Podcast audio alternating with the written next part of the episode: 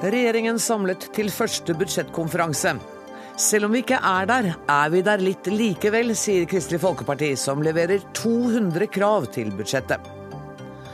Tor Boman Larsen overdriver kong Haakons politiske rolle så kraftig at det grenser til majestetsfornærmelse, mener statsviter Trond Nordby. Kongebiografen mener det er håpløst å svare på kritikken, men gjør det likevel i Dagsnytt 18. Strømregningene dine kan bli høyere denne høsten. Det er de rød-grønne sin skyld, mener Fremskrittspartiet. Nei, nå har dere makta og kan kutte elavgiftene om dere vil, sier Arbeiderpartiet.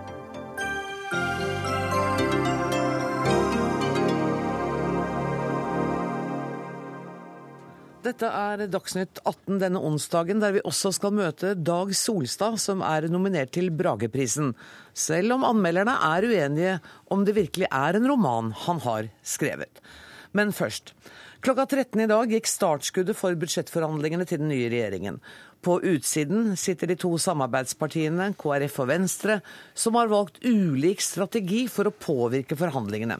Til sammen har de to partiene levert 450 spørsmål til Finansdepartementet. Og Olav Elvestuen, du er nestleder i Venstre. Dere legger like godt fram et eget alternativt budsjett. Hvorfor gjør dere det? Nei, Vi gjør jo det som vi pleier å gjøre. er at uh vi er jo et eh, parti utenfor eh, regjering. Akkurat nå har de rød-grønne lagt frem eh, sitt budsjett, og vi jobber jo med det. Og jobber nå fram vårt eget budsjett, som da vil ligge til grunn for de videre forhandlingene. Og vi får da det neste budsjettet også fra nåværende regjering. Men når dere da sitter og lager dette egne budsjettet for Venstre, tenker dere da litt sånn hvordan tenker Siv Jensen, hvordan gjør regjeringen sitt budsjett for ikke at spriket skal bli altfor stort? Ja, vi tenker først og fremst på hvordan, hva er det Venstre ønsker å få til. Ja. For, men vi er selvfølgelig veldig bevisst på at akkurat som regjeringen nå sitter i en budsjettkonferanse, så sitter Venstre også i en kontinuerlig budsjettkonferanse hvor vi gjennomgår eh, vårt budsjett og legger selvfølgelig inn de prioriteringene som vi mener ikke bare skal ligge til grunn for vårt alternativ, men også skal ligge til grunn for det endelig vedtatte budsjettet som for 2014. Men dere er jo en del av regjeringsgrunnlaget, så dere er jo på en måte ikke helt i opposisjon, selv om dere da tydeligvis ikke kunne være enig i alt, så er dere jo med i det grunnlaget som gjør at denne regjeringa sitter her. Ja, men vi er bevisst på våre egne prioriteringer. Vi skal ha en forsterkning av klimaforliket. Vi skal ha en satsing på kollektivtrafikk. Vi skal ha en satsing på høyere utdanning, på forskning. Og vi legger selvfølgelig til grunn at dette skal vi, legger vi inn i vårt eget alternativ, og er det som vi legger til grunn når vi skal gå inn i forhandlinger med regjeringspartiene. Og det vi har som grunnlag, er at vi har en samarbeidsavtale, ja. fire partier imellom, som er gjensidig forpliktende. Og vi forholder oss selvfølgelig til den. Og vi forventer at regjeringspartiene også forholder seg til den når de skal legge fram sitt alternativ. Men er ikke det å gå litt i spagat når dere holder på med budsjettet? Nå spør rett og slett uvitenhet. Dere skal forholde dere til den samarbeidsavtalen og de forpliktelsene som ligger der. Og da kan det jo hende at Venstres ønsker ligger ganske langt ut på den andre sida? Nei, nå har vi forhandlet fram dette. Dette er en enighet som de fire partiene har. Og dette må de jo se på i ulike steg. Og det er jo det samme for både KrF og Venstre at den samarbeidsavtalen er et utgangspunkt for den politikken vi skal føre i fellesskap, de fire partiene. Og det vil avspeiles også i deres budsjettforslag, ikke sant? Ja, det vil det gjøre. Og så skal vi ta dette videre i de neste stegene eh, framover, hvor du skal ha forhandlet frem en endelig budsjett for 2014. Og vi har selvfølgelig ambisjoner ambisjoner og store ambisjoner at det skal reflekteres mye venstrepolitikk i det endelige budsjettet. Hans Olav Syversen fra Kristelig Folkeparti og leder av finanskomiteen på Stortinget. Dere har valgt å ikke lage et eget eh, budsjett. Eh, vi... Har dere mer tillit til den regjeringa enn eh, Venstre har? Ja, Det oser av tillit eh, når det gjelder KrF, så det kan hende. Men utgangspunktet er at vi kommer til å legge fram våre hovedprioriteringene. Men det er jo en litt spesiell situasjon i år. Vi har fått, som du nevnte, et budsjett fra de rød-grønne. Så går det et par-tre uker, så kommer det tillegget som de nå sitter og jobber med. Og så har vi egentlig veldig kort tid eh, før eh, finanskomiteen skal avgi sin innstilling, faktisk allerede 20.11. Så vi har valgt da å legge trykket på de prioriteringene vi vil se i budsjettet. og gå ut ifra det. Men det blir ikke så stor forskjell, tror jeg, når det kommer til stykket. Når du ser på Elvesund, er, altså, er, det forskjell mellom dere to? jo, det, altså, det var dette med et fullstendig alternativt ja, budsjett, det... og, og, at vi legger fram hovedprioriteringer. Det, det, det, er, ikke slik at det er ytterpoler eh, på noen måte. Men du, du sier uh, hovedprioriteringer, men er det ikke 200 krav dere har levert inn til Nei, vi, vi, har levert inn spørsmål ja, okay, som spørsmål. er i 200. Og det, det, er jo selvfølgelig Vi er jo vitebegjærlige, men det har også med å få klarhet i en del av uh, hva koster det ene og hva koster det andre hvis vi ønsker å legge inn ulike ting i budsjettet. Så hva koster det å styrke Finansdepartementet jobber døgnet rundt da, for å tilfredsstille Jeg tror de har mye færre spørsmål i, i, år enn tidligere år, så de er nok godt fornøyd.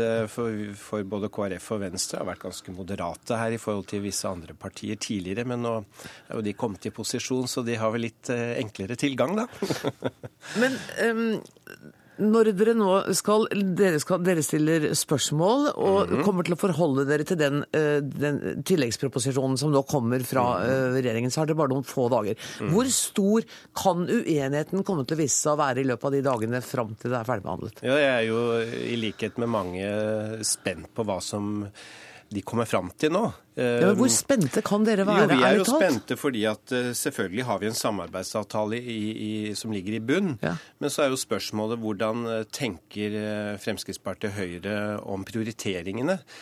vi må jo bare si at de har kort tid. Ja. vi får være realister. og Da er spørsmålet hva, hva er det de velger å prioritere? Og du sa jo i innledningen her at vi er der litt likevel. Og, det var et sitat ja, fra det, det, det er det jeg tenker at eh, ja, de vet at de har ikke flertall i Stortinget. Det er jo en litt ny øvelse. Har, sånn har det ikke vært på åtte år. De kommer til Stortinget, og de må faktisk forhandle i Stortinget for å få gjennom eh, budsjettet. Så da er jo litt spørsmål eh, hvor mye de tenker bare på Høyre og Fremskrittspartiet når de sitter og skal få et budsjett i havn. Eh, og hvor mye de også skjeler til at eh, jo, men gjør vi det, så får vi bråk i Stortinget, og gjør vi det, så kan det gå greit i Stortinget. Det, det kan nesten ikke jeg svare på her og nå, det er jeg litt spent på. Mm. Men uh, er, du, er, dere enig med Venstre i de hovedprioriteringene som Elvestuen ramste opp, bl.a. kollektivtrafikk, klima, det var noe av det, i hvert fall. Ja, jeg kan, altså KrF og Venstre har ikke så ulike prioriteringer. Klima, kollektivtrafikk, lærerne, ikke minst. Og så er det klart vi eh, ønsker et løft. Eh, vi er fellesskap snakket om at nå skal vi gjøre noe eh, for å bedre på barnefattigdommen. Mm. Eh, det er viktig for oss. Familiepolitikken er viktig for oss. Frivillige organisasjoner, de som står i kø for å komme inn på rusinstitusjoner. Jeg opplever at her er det mye felles eh, gods mellom Venstre og Kristelig Folkeparti. Elvestuen, kunne dere ikke da ha samarbeidet litt, sånn på sida av de budsjettforhandlingene? Venstre og Kristelig Folkeparti vi kjenner hverandre så godt gjennom mange år, både i regjering, i forhandlinger, eh, ellers også utenfor regjering tidligere. Så det er klart at her har vi Vi kjenner både der vi er enige og uenigheter ganske godt formalisere litt det arbeid, samarbeidet hvor dere var enige? Ja, men du, Det var jo Miljøpartiet De Grønne og SV som skulle slå seg ja, sammen. Det var, det var ikke Venstre. Og det er ikke de som sitter i studio hos meg nå, nei. nei. Eh, hvor spente er dere på resultatet av denne, disse budsjettforhandlingene som nå pågår? Det de selvfølgelig vil avgjøre, det som er viktig, er jo at de har en bevissthet om at de er i et mindretall. Og de vet jo de vet eh, at de har de har også liten, vi har liten tid for å komme fram til en uh, enighet. og det er mm. selvfølgelig Hva de legger fram, er avgjørende for hvor, vanskelig dette kommer til å bli. Mm. Vi kommer til å sette opp våre prioriteringer. Vi er, mener vi er godt forberedt og klare til å gå inn i de forhandlingene med full kraft og tyngde. Kanskje det er reservert to plasser ved det bordet de nå forhandler, så de minner, skal minne hverandre om at det er to til der som skal, skal til for å få det i mål. Du, Det skal vi spørre dem om når de er ferdig med forhandlingene. Tusen takk for at dere kom. Ola Elvestuen Jensen fra Venstre og Hans Olav Syversen fra Kristelig Folkeparti. Om en uke legger altså Siv Jensen fram sitt første budsjett som finansminister. Um, og Vi hører at det er forventninger fra både Venstre og Kristelig Folkeparti. Regner du med at de får gehør for sine prioriteringer? Berit Aalborg, du er redaktør for samfunnsavdelingen i Vårt Land. Ja, jeg tror at vi kommer til å få gjennomslag for en del. Og det er klart at den blå, blå-blå regjeringa som nå sitter, de er avhengig av Venstre og KrF for å få flertall. Eh, sånn at jeg tror de kommer til å skjene dit. Og det er klart at de kommer Eh, mange har jo tippa på at de ønsker å få med disse to partiene i regjering seinere. Og skal de få til det, så er de nødt til å legge noen godbiter, eller i hvert fall gjennomføre det de har sagt de skal gjøre i denne plattformen. Ja, for Hvis de ikke gjør det, så kan framtidig regjeringssamarbeid bli eh, svært vanskelig? Ja, det kan det. Og I første rekke må de jo faktisk ha gjennom budsjettet. Og det er ikke mye handlingsrom de har her, for de greier ikke å flytte på veldig mye penger i dette budsjettet som Arbeiderpartiet først har lagt frem. Så de må sitte nå og file og se hvem som skal få, og litt i den ene og litt i den andre. Har det noen betydning at Venstre og Kristelig Folkeparti har valgt litt ulik tilnærming til dette budsjettet? Venstre lager sitt eget, mens Kristelig Folkeparti stiller spørsmål til Finansdepartementet. Altså, jeg tror ikke det betyr så veldig mye.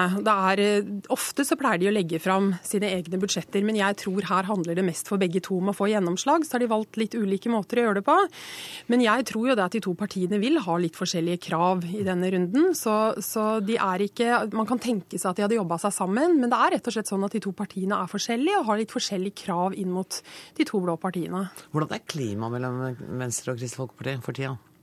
Ja, Det var jo en liten runde i Stortinget hvor de diskuterte Lofoten versus denne K-en i det nye, nye faget hvor, de, hvor, mye kristendom man skal ha inn.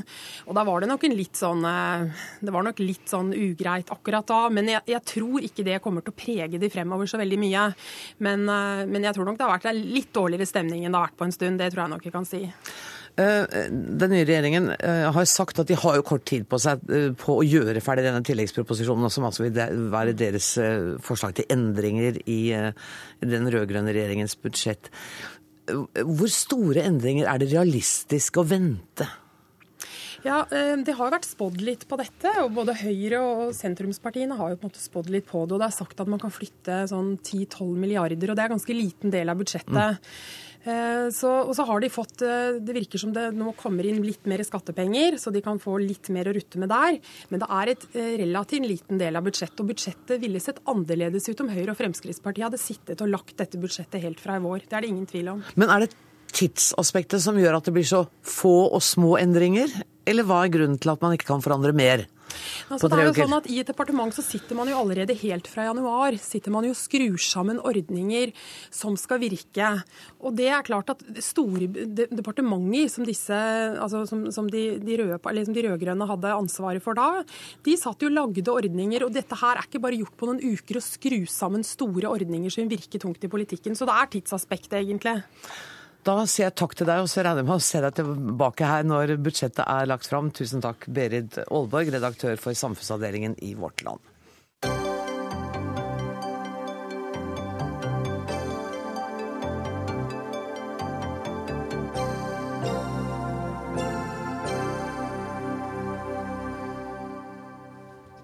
Tor Boman Larsen overdriver kong Haakons politiske rolle i sjette bind av biografiserien om kongeparet Haakon og Maud. Det er det du som sier, Trond Nordby, professor emeritus i statsvitenskap Universitetet i Oslo.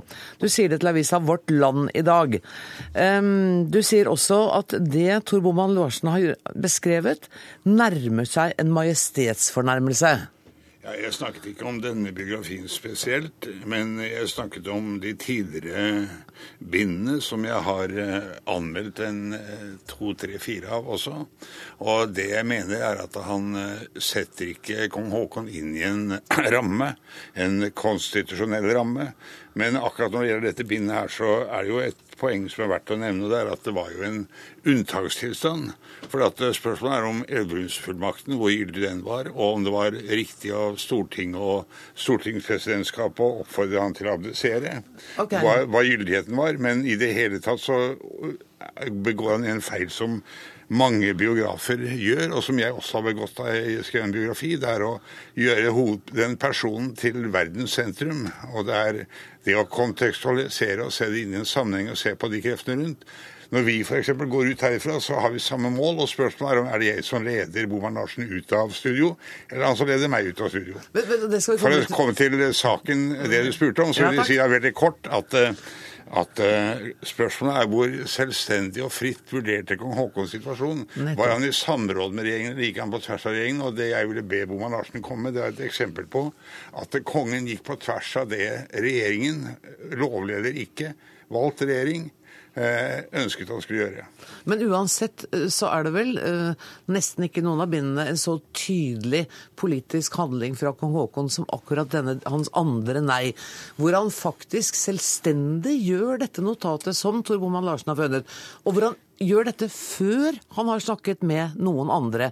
Det, det går vel ikke an å si at det ikke er en politisk handling? Norge? Nei, Spørsmålet er hvordan han er fanget i en situasjon som har bygd seg opp ifra han eh, ble med regjeringen oppover til Elverum og videre oppover til Narvik, og så med Devonshire over til Skottland og ned til London.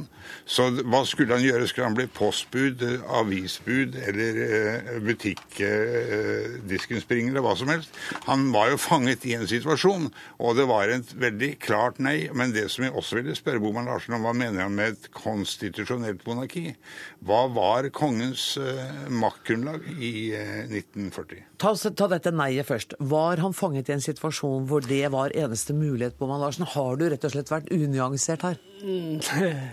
Vi skal ikke ta fra kongen hans frie vilje på dette punkt, men det er jo riktig som Nordby sier, at, at dette er en lang historie. Eh, og jeg har brukt 3000 sider på å skildre den fra lenge før kong Haakons fødsel. Og sånn er jo biografien. Den utvikler seg over tid.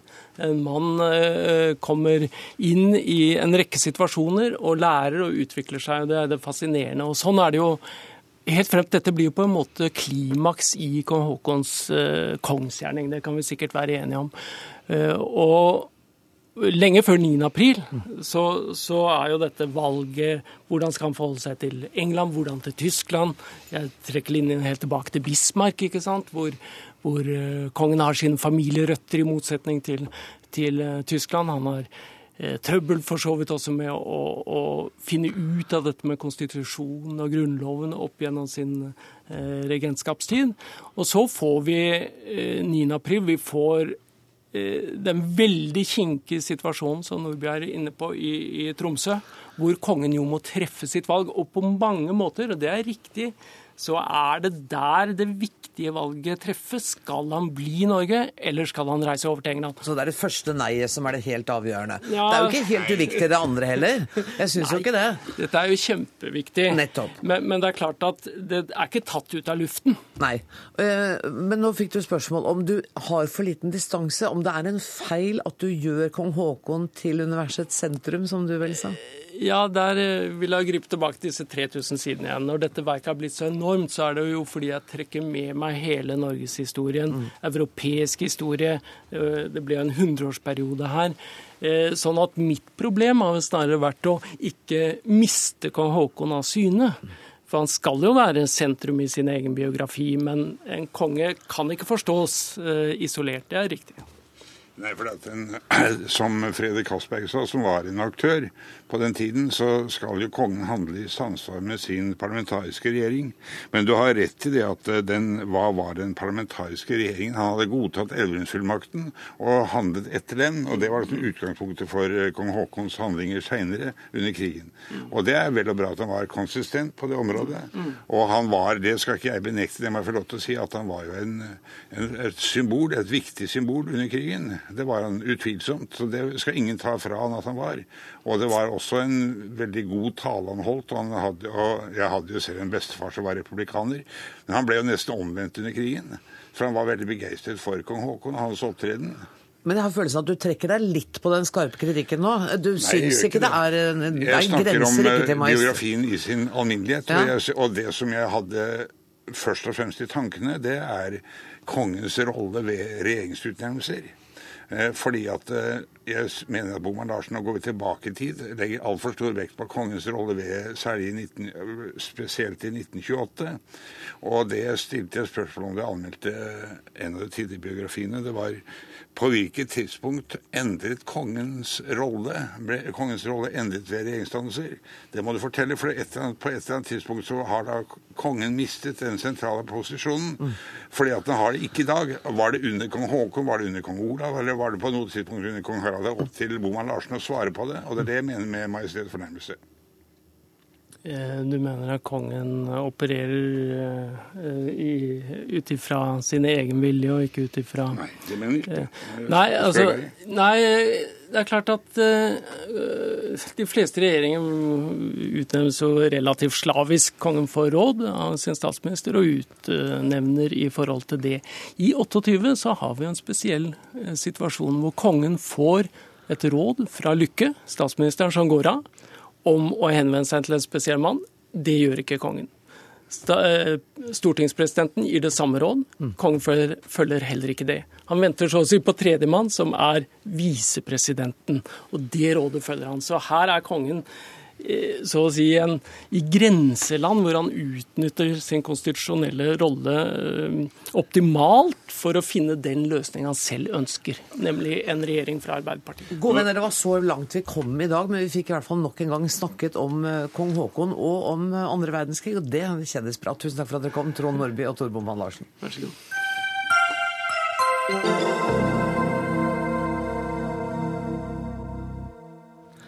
I Irak er flere enn 200 000 mennesker drept siden den amerikanskledede invasjonen startet i 2003. Og den sekteriske og voldelige konflikten mellom sunni- og sjiamuslimer har ført til at flere millioner mennesker er på flukt i eget land. Sist søndag eksploderte ti bilbomber i området rundt hovedstaden Bagdad. Minst 42 mennesker mistet livet. Og da er de også en del av en tragisk statistikk. Jan Egeland, generalsekretær i Flyktninghjelpen. Kan du karakterisere situasjonen sånn som den er i dag? Den er eh, på mange måter motsetningsfullt i den forstand at eh, Irak er jo et land med svære inntekter, olje- og gassinntekter. Drar man som jeg nylig var da i Erbil, altså Kurdistan i nord, så har man inntrykk av, av, et land med forholdsvis mye velstand. Men samtidig er det, som du eh, nettopp sa, et, eh, et enormt voldsutsatt land. Eh, etter amerikanernes invasjon i 2003 så har det vært sammenhengende massiv vold hele tiden. Og nå er den igjen økende. Og den eneste forskjellen er, med Dagsnytt 18 som et godt unntak, at vi har sluttet å snakke om det som skjer Irak, men problemene er der massivt og omfattende. En av dem som ikke har sluttet å snakke om det, er Midtøsten-korrespondent Sigurd Falkenberg Mikkelsen. Du er i Kairo nå. Det meste vi hører fra verdensdelen du dekker, er om Syria. Hvordan vil du si at Irak og situasjonen der dekkes i Midtøsten? Irak eh, krisen og konflikten preger jo så klart eh, regionen eh, i veldig stor grad, og den har gjort det i de siste ti årene. Dette er et åpent og blødende sår i denne regionen. Eh, det nesten, går nesten ikke en dag uten at det er eh, volds- og drap eh, i landet med politisk motiverte handlinger. Men de siste årene så har også i den arabiske verden Irak blitt overskygget av Syria, som du nevnte, men også situasjonen her i Egypt. Og Det er flere grunner til det, bl.a. at trass det voldsomme voldsnivået, så ses den politiske situasjonen på som relativt stabil, i den forstand at sjiamuslimene har makten. Maliki sitter noenlunde trygt, og at eh, det er andre land som da Egypt og Syria som er mye mer ustabile. Men det er klart at dette, dette, preger folk her, og det at det pågår inn og ut dag etter dag på denne måten, gjør at det bidrar da til den nedtrykte stemningen her i området. Mm. Ja, Du sier at den, den, politiske situasjonen er noe mer stabil, men volden ser jo da, som Jan Egeland også sier, ut til igjen å eskalere. Ja, jeg mente at maktforholdet er sånn, ja. noenlunde stabilt. Ja, nettopp. Um, England, du var i, som du sa, i Irak for kort tid siden i nord, hvor dere i Flyktninghjelpen vel er inne og bidrar. Ja. Um, hva slags humanitære utfordringer er de viktigste? I nord er det 200 000 flyktninger fra Syria. Og, og mine kolleger er der i Altså, vi har 100 hjelpearbeidere fulltid i nord. Eh, Irak. Og det er eh, altså I de kurdiske områdene har de mottatt 200 000 kurdere fra Syria. Jeg var der selv da i slutten av august. På én uke kom det nesten 50 000 over to grensepasseringer. Nå er grensen stengt. Eh, I eh, sør har vi vært eh, aktive siden 2010 eh, i Bagdad-området, og det er for internflyktningene. Så det er et par-tre hundre tusen interne flyktninger i Bagdad. Alt i alt i landet et par millioner. Jeg husker hvilket inntrykk det gjorde på meg selv da jeg besøkte landet i 2002 og 2003, før etter den amerikanske invasjonen, og så der hvor store flyktningleirene var fra tidligere kriger i Irak. Bl.a. Altså, kurdiske internoppgjør i nord og, og eh, tidligere konflikter under Saddam-tida. Og Sigurd, du har vel også vært inne i flyktningleirer, men jeg har sett reportasjer hvor du kan bekrefte alt det Jan Egeland sier nå? Ja, altså det, eh, Flyktningsituasjonen i Irak har alltid vært, eh, alltid vært vanskelig. Eh, den har også blitt den siste tiden understreket ved at folk som kan, eh, drar fra Bagdad. Eh, jeg var der sist i april under eh, regionsvalgene. og da, det var da den nye, siste voldsbølgen virkelig startet. Og siden det så har mange av de jeg traff der, flyttet på seg. Noen har dratt ut av Irak, men mange har også flyktet til de mer stabile områdene i det kurdiske nord. Fordi Bagdad særlig er så utrolig farlig og oppfattes som ikke et værende sted for alle som kan komme seg unna. Henrik Tune, Midtøsten-forsker ved Norsk utenrikspolitisk institutt. Hvorfor er det sånn at vi i vestlige medier har glemt Irak? Jeg tror det er sånn at vi har glemt Irak på samme måte som vi glemmer alle kriger som varer lenge. Mm. Altså en dyp, dyp Irak-trøtthet på samme måte som man hadde en dyp, dyp Vietnam-trøtthet for, for 30 år siden. Og som vi kommer til å ha en dyp, dyp Afghanistan-trøtthet om noen få måneder antageligvis, etter hvert som man begynner å trekke seg ut. Så Det tror jeg er hovedfaktoren. Veldig mye dramatikk. Eh, media i USA er nesten uinteresserte. Mm. Eh, politikere er ikke særlig interesserte. Så Det tror jeg er liksom hovedforklaringen. Og så tror jeg nummer to er at eh, det må huske om president Obama. Så Han kom inn på ett veldig veldig klart mandat da han ble president, og det var å få amerikanerne ut av Irak. Mm. Og Det greide han i januar 2012, for halvannet år siden. Og Fra det øyeblikket så har det måtte ikke vært politisk opportunt og riktig å løfte opp Irak-spørsmål i amerikansk politikk i det hele tatt. Så han har liksom lukket øynene, trukket soldatene ut, uh, gitt makten til Maliki. Liker ikke Maliki, for Maliki er alliert med fienden Iran, men aksepterte. Og så har da media fulgt den politiske ledelsen i Washington, som de ofte gjør. Men skal ikke Maliki også møte president Obama, eller? Jo, i, i dag tror jeg. Og i går hadde han vel møter. Nettopp. Ja. Uh, så mislik, det at han misliker ham, hindrer ikke at man i hvert fall har diplomatisk kontakt? Men han er bundet til ham. Fordi, fordi altså, det Amerikanernes store prosjekt i Irak var å bygge opp staten. Eh, bygge disse to bitene av samfunnet, Shiaen og Sunni, sammen. Det har de ikke greid. Så alternativet har blitt å holde en sterk sjiastat levende. Og Da må Obama selge våpen og han må gi penger til, til, en statsminister i Bagdad som han ikke liker. Men alternativet er enda mer kaos. Men du, Hva slags posisjon har sunniene nå? Ja, de er jo mindretallet. Mm. 20% 25% 30% kanskje. Og de har vært litt med i politikken. Eh, men det har de vært de snille og milde. Eh, hoveddelen av samfunnet, ungdommen som har levd i krig i ti år, de, de vil ikke være med. Så de lar seg alliere av lar seg måtte, løfte opp Al Qaida og mm. andre terrorgrupper. Så de står utenfor eh, og slåss mot Maliki i økende grad. Eh, borgerkrigen i Syria har vel også påvirket situasjonen, eller vår oppfatning av Irak? i hvert fall? Ja, altså det har vært den store diskusjonen. Hvor, hvor nært er de koblet? Og vi sier at Det svaret man begynner å si, er, se nå, det, det er at, at, det er en og samme krig i stor grad. Eh, den største bevegelsen i Syria for øyeblikket i opposisjonen, den som er mest ekstrem, den som tiltrekker seg norske folk som reiser dit og sånt, den heter ISIS. Eh, den islamske staten Irak og Syria. En bevegelse som eh, kom opp og dukket opp i Irak etter at amerikanerne kom dit for åtte-ni år siden. Og som nå, i løpet av våren og sommeren, har erklært seg som en bevegelse som skal slåss to kriger. Én i Bagdad og én mot Assad og i Damaskus. Så i økende grad så er det som da var to situasjoner, det er i ferd med å bli én situasjon. Og Obama får problem med å greie å holde seg unna, fordi dette blir en del av det store, vanskelige Midtøsten, hvor Iran kommer inn, og Israel kommer inn, og Libanon kommer inn, osv. Og Det er eh, nettopp det vi opplever som Flyktninghjelpen når vi nå prøver å gå inn med massiv hjelp inn i Syria fra nabolandene.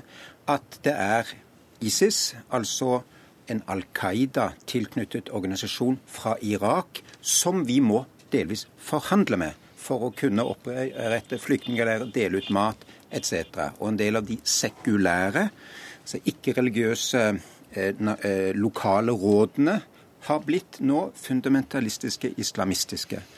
Eh, sekterisk vold, shia mot sunni, eh, mot alawitt. Eh, etter hvert ble kristne og kurdere trukket inn. brer seg over på alle bauger og kanter.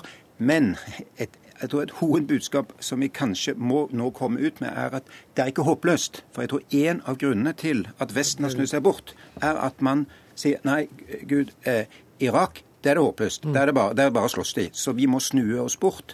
Nå gjør det Syria, da må vi snu oss bort derfra òg. Og nå skal vi forlate Afghanistan, for det er det òg håpløst. Det er jo klart det kan bli fred. Det er klart de kan bygge opp med egne krefter. Men vi må ikke snu oss bort. Vi kan hjelpe, og vi kan bygge med dem. Den appellen der ble dessverre det siste vi fikk tid til, men tusen takk for at dere kom. Tusen takk til Sigurd Falkenberg Mikkelsen, til Jan Egeland og til Henrik Tune.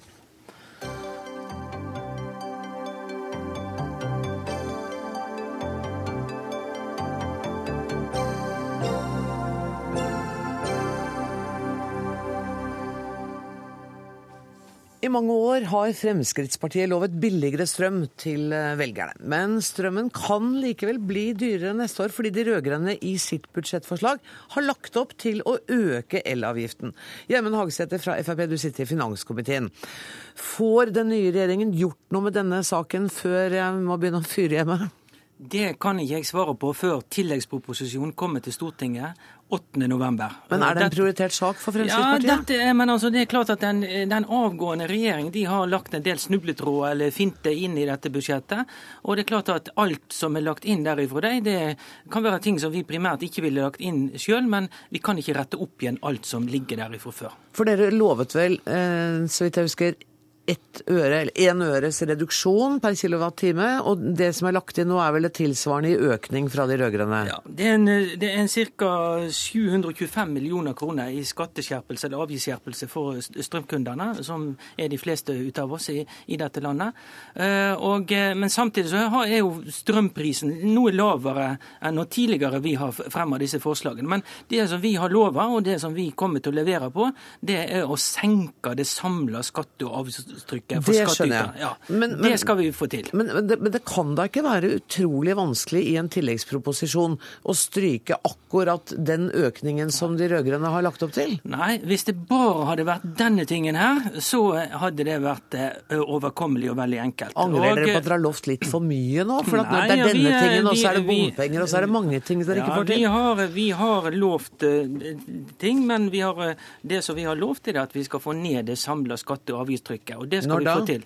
Ja, Det skal vi få til også i tilleggsproposisjonen når vi leverer den, og også når det gjelder de fremtidige statsbudsjettene som kommer fra Høyre-Frp-regjeringen. Så skal vi få ned skatte- og avgiftstrykket. Vi skal snu skuta, slik at vi får mindre byråkrati, forenklinger, større frihet for den enkelte og samla skatte- og avgiftstrykk. Og så Hvordan innretninga på det er, om det innbefatter at vi reverserer den elavgiften, det kan jeg ikke si nå. Det må vi komme tilbake igjen til når tilleggsproposisjonen kommer til Stortinget. Ok, Så det kan hende at, uh, at, strømprisen kommer til å være på samme nivå, men at dere kompenserer ved å redusere på andre områder i budsjettet? Det kan være.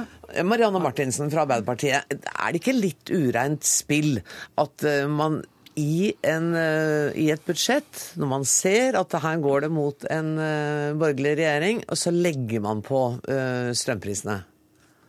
Så det å lage et statsbudsjett det er en lang prosess. Det tar et år. Ja, Vi kan og ikke vi... ta hele nå. Vi snakker bare om Nei, strøm nå. Ja, ja, vi snakker om strøm.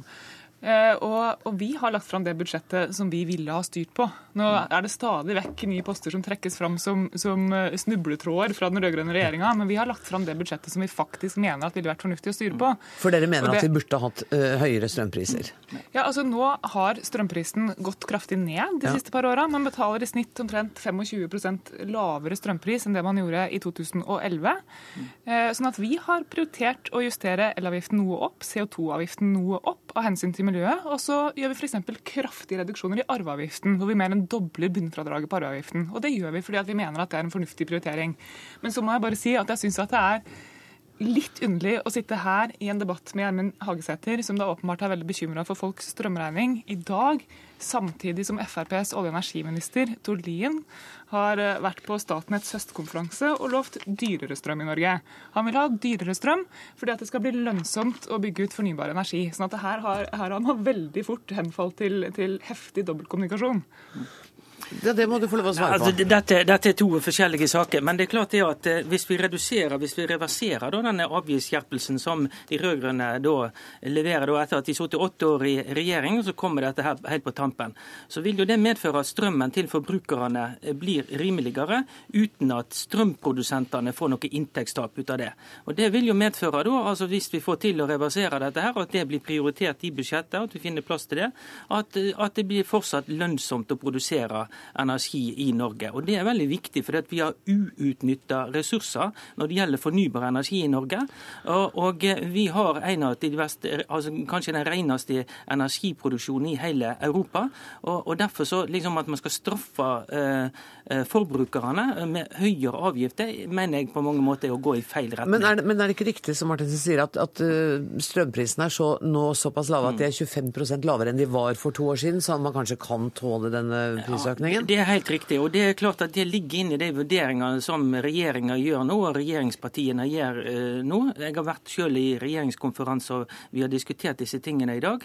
Å, få høre mer, da. Nei, det får du ikke høre mer. Men, men altså, det er klart at det er mange ting som ligger inne i budsjettet som de har lagt inn. og Av og til så får vi nesten mistanke om at de hadde to budsjetter. altså Ett budsjett hvis de vant valget, og ett budsjett hvis de taper valget. og at det er det siste som er lagt fram. For det er ting her som f.eks. dette her med studiestøtte. Nei, men all verden, Vi skal snakke om studiestøtte en ja, ja. helt annen gang, helt annet program. Okay. Martinsen. Men altså, Frp har nå hatt ganske mange år i opposisjon, 40 for å være helt nøyaktig, til å forberede seg på, på regjeringsmakt. Man har lagt fram alternative statsbudsjetter. Og dere har jo i budsjett etter budsjett lagt inn reduksjon i elavgiften og saldert det på ulike måter. Med gigantiske byråkratikutt, f.eks., som dere har hevda hele veien, at, det er utrolig enkelt å sette i verk. sånn at hvis dere nå har gjennomføringskraft, som, som jo er et ord dere ynder å bruke, så vil jeg tro at dette er overkommelig å prioritere å redusere elavgiften. hvis dere faktisk mener at det er viktig. Men, eh, men, eh, i og med at Tord Lien nå tar sterkt til orde for, for, dyrere strøm eh, og virkemidler for å få høye nok strømpriser til at det blir lønnsomt å bygge ut fornybar energi her i landet, som han har sagt til Statnett i dag, så er det jo spennende å følge med på hvordan dette egentlig skal ende. da. Ja, og hva, hva er egentlig saken her? Er det Tord Lien eller er det deg jeg skal stole på nå? Nei, altså Det som er poenget er jo det at det er viktig det at vi legger grunnlaget for at vi får bygge ut. da. Men det å redusere elavgiften har jo ikke noe med at det vil jo ikke medføre at elprodusentene får noe mindre inntekter. av den grunn. Dere er, at, at, at, norske forbrukere også skal være med på å bære en høyere strømpris, for Nei, å sikre at det er lønnsomt ja. å bygge ut fornybar energi? Vi, vi, vi, mener det at eh, vi har foreslått tidligere at elavgiften skal reduseres, og det er vår primærpolitikk. Men nå er det altså slik at Fremskrittspartiet fikk 16,3% ja, oppslutning. Og, og, og, og derfor, så får, derfor, så får, vi altså ikke gjennomslag for alt. og Nå er det budsjettkonferanse, og vi sitter i regjering i lag med Høyre. Og så vi, er vi også avhengig av støtte fra Kristelig Folkeparti og Venstre i Stortinget for å få ting gjennom. Og Det er også hensyn som vi er nødt til å ta. Men dette blir et bra budsjett. Og det, det viktige her er at det samla skatte- og avgiftstrykket kommer til å bli redusert. Det lover jeg. Det har du sagt mange ganger, og vi gleder oss. Og vi kan vente i spenning på tilleggsproposisjonen. Tusen takk til Marianne Martinsen og til Gjermund Hagesæter.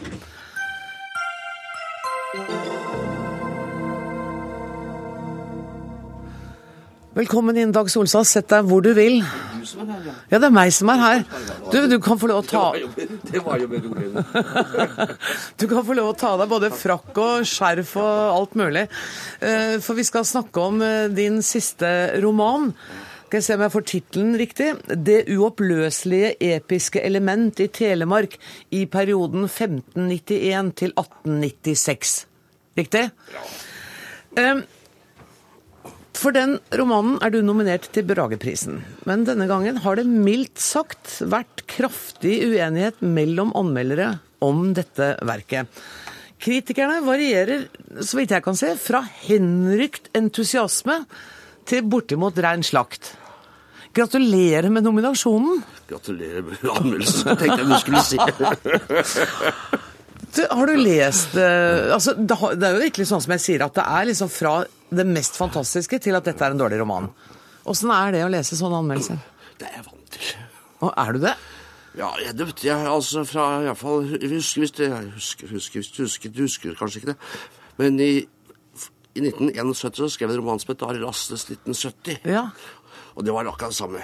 Jeg, Ble du slakta for Arild Asnes i 1970 ja, ja, ja, det husker jeg faktisk ikke. Ikke minst i Aftenposten. For, ah, for, jeg er så utrolig ung, skjønner du. Det er bare det. Ja, det er det. Ja. Så jeg er glad for det. Ja. Men hvis du ikke har fått slakt siden 1971, jo, da, jeg har så syns jeg ikke så Jeg har fått det senere også. Ja.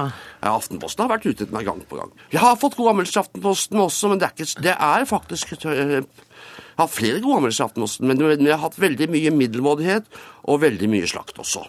Så jeg vant, jeg vant til dette her. Så. Men er du ikke som oss andre at du blir litt lei deg når folk ikke liker det du gjør? Ja Da tror jeg jeg skulle funnet noe annet å gjøre.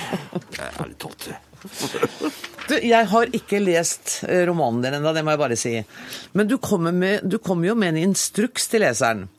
Les langsomt, ord for ord, hvis man vil forstå hva jeg sier. Jeg må nok begynne med å si dette, for det som nå en gang står, kan ikke sies på noen annen måte. Ja, det er riktig at jeg, at jeg ble siste setningen.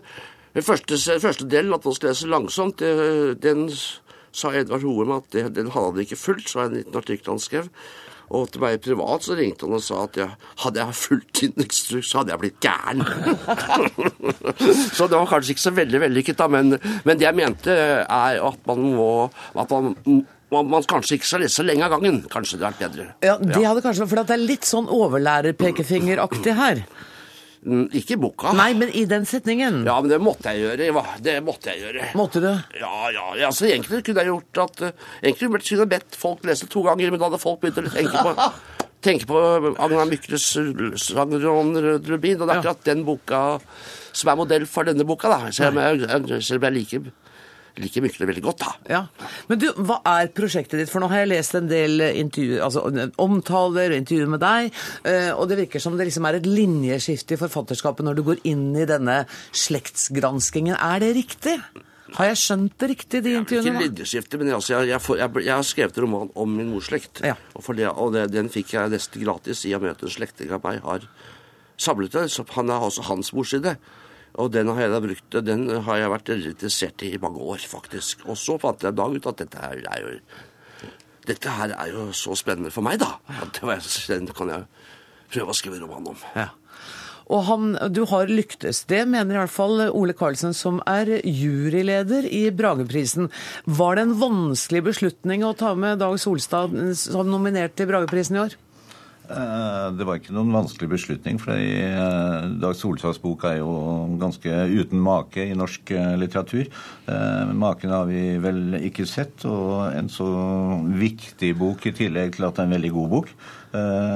Det gjorde det rimelig lett, men det er klart, man skal jo alltid foreta avveininger. og her er det jo Dag Solstads bok er jo satt opp mot sammen med tre diktbøker, så det er jo Det er også uvanlig i Brage-sammenheng? Ja, men det er jo lyrikken er jo diktekunstens Formel 1-klasse, og det er jo i denne klassen Dag Solstad er, da. Mm. Uh, så det er jo Det er jo ei bok som er, er særdeles vesentlig og kompromissløs og nådeløs, og den skjærer jo vekk det meste av det man kjenner med romanframstilling. Eh, det er jo, han lar jo fakta framstå nakent, og hver gang han får en uh, lyst til å dikte, så slår han seg selv på munnen og sier at her skal vi ikke ha noen uh, diktning. Så det, vi står jo tilbake med et stort uh, diktverk, og det er jo denne andre setningen i det du siterte, jeg må nok begynne med å si dette. Mm -hmm. For det som nå en gang står, kan ikke sies på noen annen måte. Altså det er noe ugjensigelig eh, ved måten boka er, er laget på. Eh, den kan, hvis den skulle sies på en annen måte, så ble det en helt annen bok. Og det har åpenbart Dag Solstad ikke hatt eh, lyst til å skrive. Eh, det er jo da en bok som på en måte er et oppgjør med Eh, den gjengse maratonprosa som eh, dominerer i eh, norsk litteratur. Så i tillegg til at det er en veldig god bok, og innimellom vittig, altså det er stor språklig vidd her, så er det jo det er en spennende lesning, og som da avbrytes med disse henvendelsene til leseren og til diskusjoner med sitt eget uh, prosjekt osv. Sånn. Uh, Solstad, er det riktig? Har du slått deg selv på munnen når du har fått lyst til å dikte litt?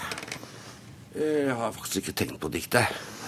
Har du ikke tenkt på å dikte? Nei, ikke det. Altså, jeg vet for at det kommer til Når du har historisk stoff, da, og ikke minst så er det avhengig av eh, kilder og, da, og, det du vet. Og, og da får du det, og da, Derfor blir det store, sorte hull i, enhver person du eh, setter deg for å skrive om. Mm. Og da istedenfor da å dikte, så lar disse store, store hullene stå der.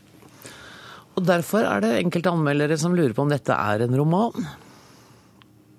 Det er vel det, på grunn av at jeg, at jeg har sorte hull i en roman. Det er vel ikke så uvanlig. Eller at Det, det, syns jeg er veldig rart. Altså, lurer på det roman. Det, det synes jeg er veldig rart. Ja, Men du har jo sett det, du også? Ja, det er, den, den, skjønner jeg. Den, jeg lurer på om det er liksom blitt sånn at de skal ha ting inn i et, inn i et skjema for, på enhver pris, jeg ja, altså. For det, akkurat den innledningen der, den, den er litt kan umulig være riktig. men, men, men, du har jo også, men du har sjøl sagt at, innrømmet at du er um, påvirket av Espen Søbys uh, f.eks. biografi om Scharfenberg. Ja. Um, der er vi over i sakprosa. Så du, du, du er jo påvirket av sakprosaen, i hvert fall i den romanformen, da? Nå, nå, hører du at jeg prøver å være litt ja. flinkere enn jeg ja, er nå? Ja, ja, ja bare for, fortsett. ja, det er, ja det, er, det er jo selvfølgelig, men det betyr ikke at eh, at, de, jeg, at de ikke at Altså, jeg tenkte når jeg leser Scharfberg, at dette her er, er jo noe man kan benytte også i romanform. Mm. Og jeg syns også at Øsle Søby både Også der, den der med, denne med Ket eh, også, er, også har veldig mye romantrekk. Mm. Hva, hva, betyr en litterær pris for en mann som deg? Nå har ikke jeg fått den prisen. Nei, men du, jo, det har du. Du fikk den i 2006. Ja, du har ikke fått den i år. Nå, ja. Ja. Ja, uh, hva betyr det?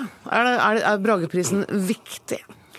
Ja, ja, ja, jeg husker jeg fikk den før. Da var det veldig moro. Men da var det også fordi at det var veldig mange gode romaner som jeg eh, såkalt, såkalt konkurrerte med. Da. Mm. Det er klart at når man først er innstilt og ser på konkurranse, så vet jeg ikke hvor mye man kan snakke om at de konkurrerer. egentlig. Det er veldig mange sette romaner opp mot hverandre. Ja. Det det. Og du sitter ikke og tenker priser når du skriver? Skal ikke være sikker på det. Agnes Moxnes, årets Bragepris-nominasjoner er som vi hørte fra juryformannen litt spesiell, for det er tre lyrikksamlinger. Du er eh, kulturkommentator her i NRK. Det ja, jeg er det. Nei, det er, jeg opplever at hele nominasjonen denne gangen er et slags oppgjør med tidligere juryer. For det er en helt annerledes uh, juryering. Uh, Eh, i år med tre diktsamlinger. Og man må jo si at, at selv om Dag Solstad sier at dette er iallfall en roman, så er det en annerledes roman. Og det må vel også sies at det er en eksperimentell roman. Jeg har jo trøstet meg litt med at det kanskje ikke er en roman, fordi Dag Solstad for noen år siden sa at den neste romanen hans kom til å bli hans siste roman. Sånn at dette kanskje var en liten, liten pause før, kom, før, den virkelige siste romanen kommer. Men, men, eh, det er en annerledes eh, juryering. Og det er eh, tre gode poeter Dag Solstad settes opp mot ja, Brage-juryen denne gangen. Men det er jo ikke bare Brageprisen. Jeg tenkte at vi skulle snakke litt om Nordisk råds litteraturpris. Der du ikke nominert Dag Solstad, men jeg har ikke lyst til å kaste deg ut av studio heller, for den har du jo også fått. Ikke sant? Eh, og det, du var glad for den òg? Det var jo ja, hard konkurranse den gangen også. Det var i 1989, 89, ja. ja. Um, og nå er det altså andre som står f.eks. akkurat nå og er spente. For um, Nordisk råds litteraturpris skal deles ut samsending på TV-stasjoner i alle de nordiske land nå i kveld. Ikke bare litteraturprisen, Agnes, men hvor mange priser er det? Det er vel fem priser. Det er eh, litteraturprisen, som jo er den eldste av dem, og som jeg vil si er det, kanskje noe av det viktigste Nordisk råd har gjort, nemlig å etablere den litteraturprisen. Lang liste med fremragende forfattere som har vunnet den. Eh, så er det i år en ny pris, som er barne- og ungdomslitteratur. Dessuten er det film, musikk og en miljøpris som skal deles ut. Og de slår jo på stortromma i år med da denne samsendingen med alle de nordiske landene. Så ja, det er bare å benke seg foran TV når klokka blir kvart på åtte i kveld. Ja, for kvart på åtte starter altså uh, sendingene. Uh, og for første gang så er dette altså alle uh, nordiske land. Det er en stor TV-satsing. Hvorfor er det det?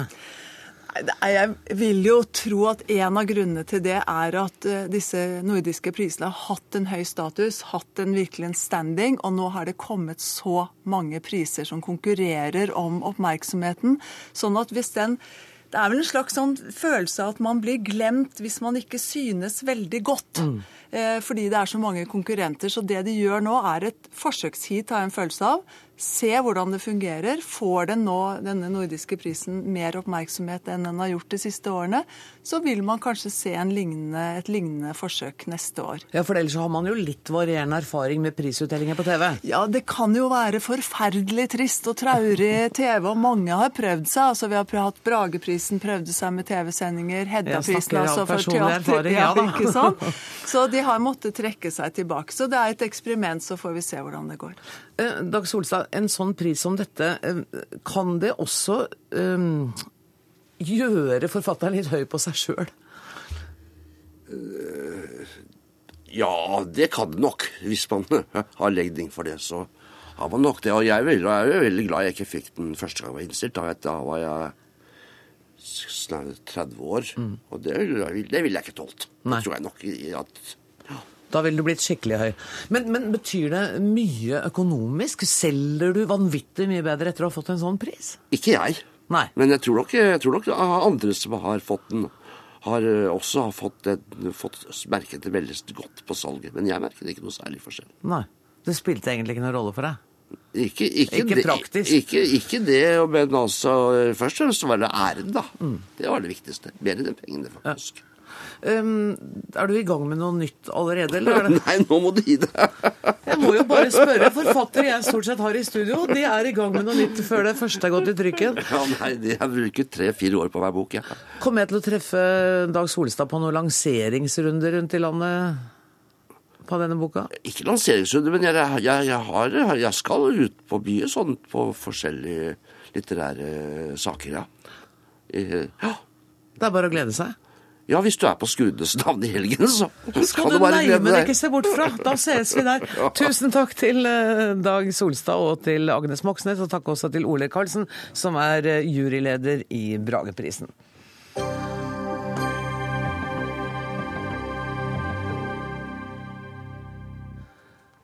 I løpet av eh, den snaue timen jeg har holdt på her, så har det blitt kjent at eh, landbruksministerens tidligere arbeidsgiver First House ikke vil gi pressen innsyn i kundelisten til Sylvi Listhaug. Det skriver First House i et brev som PR-byrået sender til Landbruksdepartementet nå i kveld. Departementet ba tidligere i uken First House om å vurdere om kundelisten likevel kan offentliggjøres. Og I brevet som jeg har fått nå, står det First House er enig i den begrunnelsen departementet har gitt for ikke å etterkomme krav om innsyn eller mer offentlighet, der departementet fremholder at listene er av konkurransemessig betydning for oss, og at det vil kunne skade oss om de ble gitt ut. Enda viktigere for oss er forholdet til våre kunder, som har tillit til at kundeforholdene forblir fortrolige dersom de ønsker det. Tor Mikkel Wara, velkommen hit. Du er partner i First House. Um, denne begrunnelsen var kanskje ikke overraskende, og beslutningen heller ikke. Men var det en vanskelig beslutning å ta? Nei, det var det ikke. Eh, vi har avgitt et eh, løfte for våre kunder. Og det er veldig enkelt å følge løfter. Jeg skjønner at noen syns det høres vanskelig ut å følge et løfte, men vi i First House syns ikke det er vanskelig. Den andre tingen som er viktig å si, det er at den praksisen som her ligger opp til, det er akkurat den samme praksisen som har hatt i åtte år med en rød-grønn regjering. Så det var ingen grunn til å endre praksisen, verken fra staten eller fra First House side. Men det er vel første gang vi har hatt en statsråd eh, som kommer rett fra P-bransjen og inn i regjering? Ja da, det, det er riktig. Så det er ikke men, helt identisk likt? Det er ikke identisk, men, men, det er folk som har kommet til statssekretærstillinger under den rød-grønne regjeringen. Og er, da har man gjort det samme, man har levert en liste til departementsråden. Uh, det er jo i og for seg riktig, men det, det kan jo ikke ha gått deg hus forbi at i hvert fall to professorer i juss har sittet her og sagt at det er ikke mulig å hemmeligholde disse listene så lenge landbruksministeren har gitt dem fra seg til departementsråden. Da trer offentlighetsloven inn, og da trer forvaltningsloven inn. Paragraf 13.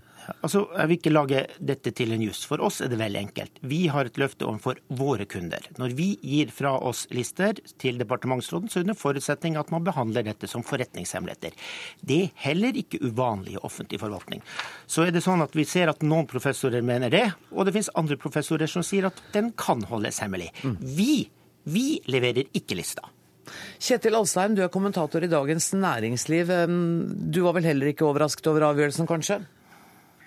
Nei, men det er jo synd for Sylvi Listhaug at hennes gamle kolleger i First House ikke vil, eh, vil hjelpe henne ut av knipa.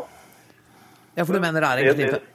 Ja, det er jo opplagt at det er en knipe. for Hun har, hun har slitt med dette siden hun, eh, hun tiltrådte. Eh, det som er underlig, syns jeg, fra First House side, er hvordan de på den ene siden sier at de oppfordrer sine kunder til åpenhet om kundeforholdene. Og så viser det seg altså at de ikke klarer å få én eneste kunde til å stå frem. Og Dette er jo et byrå som, som selger inn sine tjenester på at de er gode på å påvirke.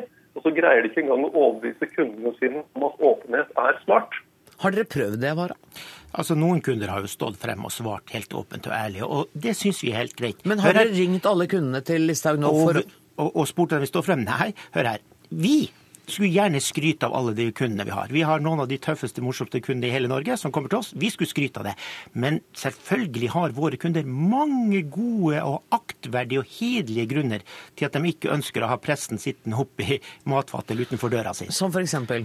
Som f.eks. at det de holder på med, enten forretningsmessige hemmeligheter, det kan være sensitivt i forhold til børsen, det kan være konkurransesensitivt at de planlegger nye, nye fremstøt i sine markeder, eller det kan være noe såpass enkelt som at dette tilhører den private sfære.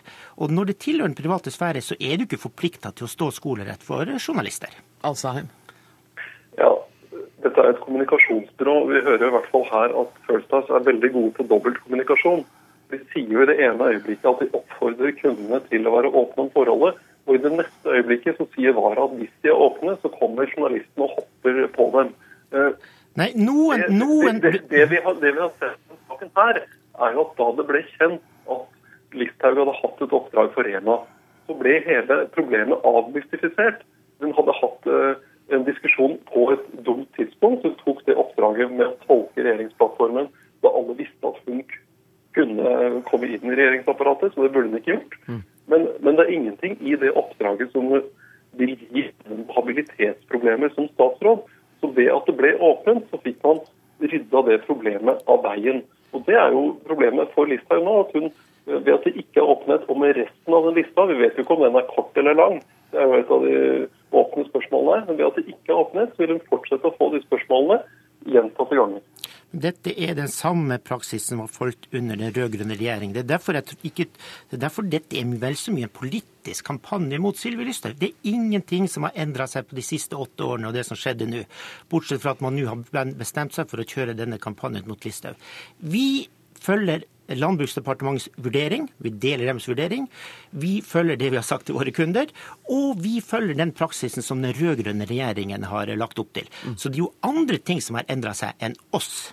Men, Forskjell, forskjellen her er jo at uh, du har fått en statsråd som er konstitusjonelt ansvarlig overfor Stortinget, og som har en informasjonsplikt overfor Stortinget. Og Det er der du kan få et problem. Eh, du har ikke et problem nå. altså Det at uh, Per Olav Lundteigen vil se den lista, det, det, blir litt tynt grunnlag. Men hvis man får en konkret sak der det er en grunn til å spørre henne om har du hatt dette selskapet som kunde, eller har du det ikke, og hun nekter å svare, da har hun et problem i Stortinget, og da er det alvorlig for henne. Altså, For det første, alt Stortinget har ikke bedt om noe som helst. Altså, Kolberg og, og Lundteigen er ikke Stortinget, heldigvis.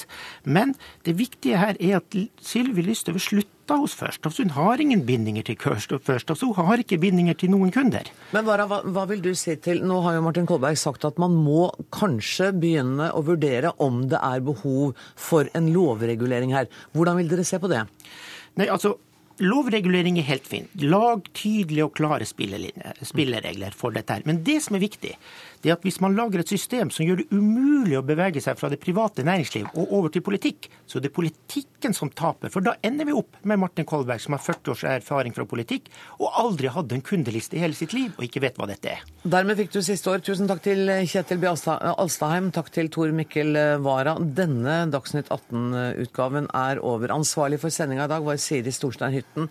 Det tekniske ansvaret har Finn Lie. Jeg heter Anne Grosvold. Vi høres i morgen. Takk for nå.